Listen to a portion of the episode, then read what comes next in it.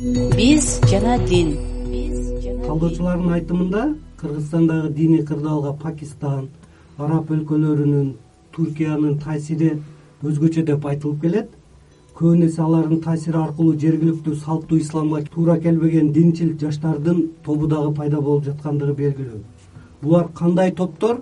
Алардын идеологиясынын башаты эмнелерди туюнтат биздеги кыргызстандагы э, жаңы диндарлашуу э, тренди ушу сиз жогоруда айткан өлкөлөрдөн көп таасир алып атат жаштар дагы албетте ошол жактан окуп келген же болбосо өздөрү барып окуп келген же болбосо окуп келгендерден билим алуу аркылуу диний билимди ошол тарапка ыктап жатышат бизде кыргызстанда эң эле белгилүүлөрдөн мисалы пакистандан пакистан жана индиядан таасирленген э, жамааттар сиздер билген мисалы бизде эң актуалдуу таблик жамааты э, жана башка дагы келип аткан уюмдар бар.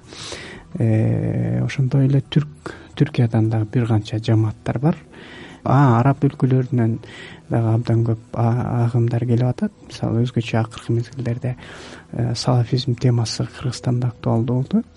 Көбүнчө ошо салафий идеология көбүнчө араб өлкөлөрүнөн келип аткан. Учуру ар бир өлкөдөн келген жамааттардын топтордун өзүнүн мүнөзү бар. Түркиядан келген жамааттардын мүнөзү бизге дагы да жакыныраак баягы идеологиялык жана маданий жактан бизге жакыныраак эми түркиядан келген топтордун атын атай кетсек бизде сулайманжылардын жамааты бар Э, нуржу жамааттар бар. Нуржу дегенде азыр нуржуларды дагы бир канча топтон э, караш керек негизи. Э, анан гүленжи жамааттары кыргызстанда иш алып барып атат да. Дин тармагындагы мамлекеттик саясаттын негизги максаты бул диндердин ортосундагы ынтымакты динге сабырдуулукту чыңдоо диний экстремизмге каршы күрөшүүнүн натыйжалуу ыкмаларын иштеп чыгуу болуп саналат. Бул максатта мамлекет ислам дининин ханафий мазхабынын матруди акыйдасын тааныды ага колдоо көрсөтүп жатат да. Бул колдоо жогоруда сиз санап өткөн диний жамааттардын ишмердүүлүгүнө кандай таасирин берүүдө кайсы өлкөдөн келген жамааттардын идеологиясы мына ушул э, ханафий жана матруди жолуна э, туура келет. Ошого байланыштуу. Э, мисалы э, түркиядан келген э, жамааттар кыймылдар буга ханафий матуриди жагынан эч кандай чоң маселе жаралбайт бизде ал эми башка өлкөлөрдөн келген араб өлкөлөрүнөн келген башка ислам дүйнөсүнөн келген топторго ар кандай таасирин тийгизиши мүмкүн.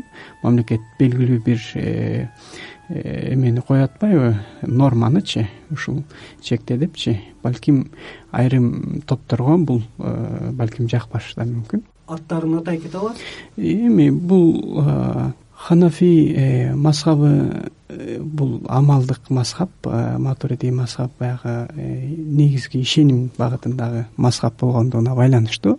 Мисалы ханафий мазхабын тутунуп бирок ишеним тарабынан матуридийликти карманбаган э, топтор дагы бар. Э, айрымдары мисалы макул деп кабыл алганы менен ошол ишеним тарабын э, кабыл албай жаткандар да бар. Сиздин оюңузча мына кайсыл диний жамаат өлкөдөгү мусулмандардын колдоосуна ээ боло алат да. Бул чындыгында татаал суроо себеп дегенде Э, убакыт көргөзүп атат. Себеби биздеги диндарлашуу кандай баратат эгерде чын эле биздин жаштарыбыз э, келечекте кайсыдыр бир топко көбүрөөк ишенип ошол топко ыктаса балким ошол топту көбүрөөк колдоп кетиши мүмкүн. Э, кайсыдыр бир топту кыргыз коому ушуну ала алат деп айтыш Э, дагы азыр оорлошуп баратат.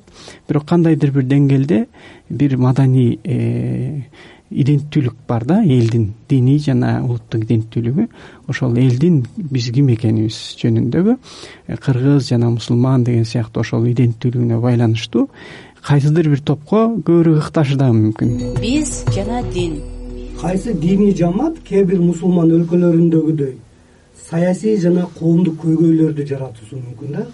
Анын негизги объективдүү субъективдүү себептерине токтоло кетсеңиз? Э, эгерде ислам дүйнөсүнөн эгер карай турган болсок э, араб өлкөлөрүнөн пайда болгон айрым диний кыймылдар саясий эме ташыйт мүнөз бар. Э, саясий мүнөзү бар кыймылдар э, албетте э, саясат менен мамлекеттик структура менен кандайдыр бир айрым учурларда келишпестиктер болушу мүмкүн. Эми албетте акыркы учурда мисалы гүлен жамааты түркияда террордук уюм деп таанылып албетте муну дагы эске алып кетишибиз керек. Жамааттарда кээде кандайдыр бир саясий турмушта мамлекеттин саясий баягы багытына э, таасир чоң таасир этиши мүмкүн. Мына араб өлкөлөрүнөн келген жамааттар мамлекеттик органдарга кээ бир жерде ийкемдүүлүгүн көрсөтө албай жатат деп айттыңыз да сөзүңүздө ошол кайсы себептер болушу мүмкүн? Же кайсы бул чакырыктар болушу мүмкүн? Бул ошол эле учурда э, бүгүнкү күндөгү эле маселе эмес мында тарыхый аспектилер дагы бар. Мисалы э, араб өлкөлөрүнөн келген кыймылдар саясий болуу менен бирге э, ошол тарыхый э, доордо э, батыш менен же болбосо мусулман эмес дүйнө менен болгон чатактар бар. Светтүүлүк маселесинде өзгөчө демократия маселесинде өзгөчө ошол чатактар бул оңой нерсе эмес тарыхы бар. Балким бир кылымдык чоң тарыхы бар нерсе. Кыргызстан түштүк азияда түптөлгөн эң ийри мусулман кыймылы катары белгилүү болгон таблих жамаат уюмуна тыюу салбаган жалгыз гана постсоветтик өлкө. Шанхай кызматташтык уюму жамааттык коопсуздук келишими уюмдарына мүчө болгон өлкөлөрдө дагы бул уюм тыюу салынган топтордун катарына кирет. Эки миң он жетинчи жылы октябрь райондук сотунун чечими менен таблих жамааттан бөлүнүп кеткен якын инкар кыймылы дагы экстремисттик деп табылып ишмердүүлүгүнө өлкө аймагында тыюу салынган. Бул эки уюмдун жалпы окшоштуктарын жана айырмачылыктарын айтып бере аласызбы? Э, негизи таблих жамаатында э, буга чейин мындай чоң э, бөлүнүү мындай чоң кыргызстандагыны айтып атабыз. Айрылыш болгон эмес. Бул таблих жамааты дүйнөдө баягы ислам өлкөсүндө кыймылдардын ичинде тынч уюм катары кандайдыр бир э, мамлекеттик структурага өзүнүн каршылыгын билдирбестен э, ишеним ибадат диндин ошол гана жолдорун тандап келаткан уюм болуп таанылчу.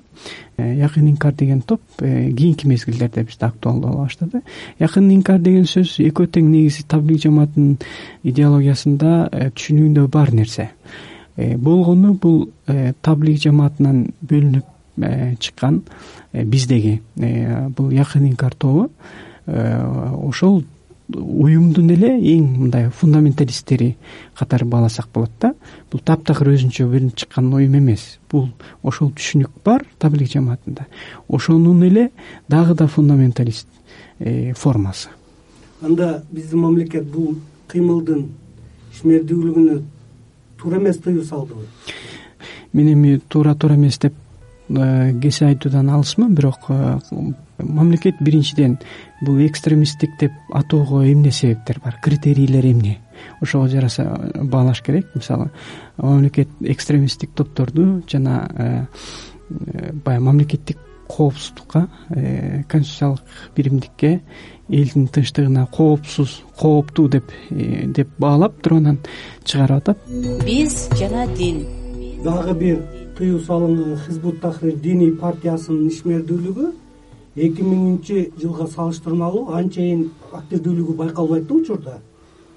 Кыргызстанда бул партиянын ичинде кризис пайда болдубу же бир башкача себептери барбы хизбут тахрир уюму э, орто азияга кирген учурдан баштап булардын чоң э, бир э, өздөрүнүн баягы планы бар болчу. Бул пландар кайра кайра арка аркага аткарылбагандыктан бир э, ушундай бир эме байкалууда өлкөдө. Э, булардын иши жүрбөй калды деген сыяктуу. Бирок анткени менен бул уюмдун адамдары жашыруун болсо да иш аткарып келатканы белгилүү. Мисалы биз анализдерден карай турган болсок булардын саны таптакыр өспөй токтоп калган жок. Көбөйгөн учурлар да бар мисалы. Эң эле жөнөкөй мисал жанагы мамлекеттин укук ченемдеринен ашып кандайдыр бир жана абактарга алынгандардын саны жыл сайын өскөн. Биз муну көрө алабыз. Демек күн өткөн сайын жашыруун болсо дагы көбөйүп атканы болушу мүмкүн. Бирок эски мурдагы баягы кайра кайра айтылган ойлонгон нерселер ишке ашпаганына байланыштуу кандайдыр бир чоң ишенимди өздөрү жоготту деп бааласак болот.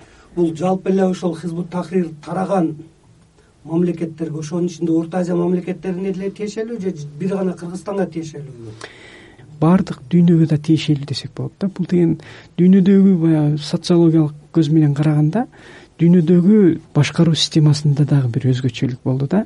Жанагы э, советтер союзунун баягы социалисттик идеология акырындан чөккөн учурда баягы либералдык бир э, башкаруу дагы да күчтүү болгон мезгилдерде буга окшогон э, бир аз да болсо социалисттик идеологиясы бар кыймылдар албетте баардык өлкөлөрдө чөктү десек болот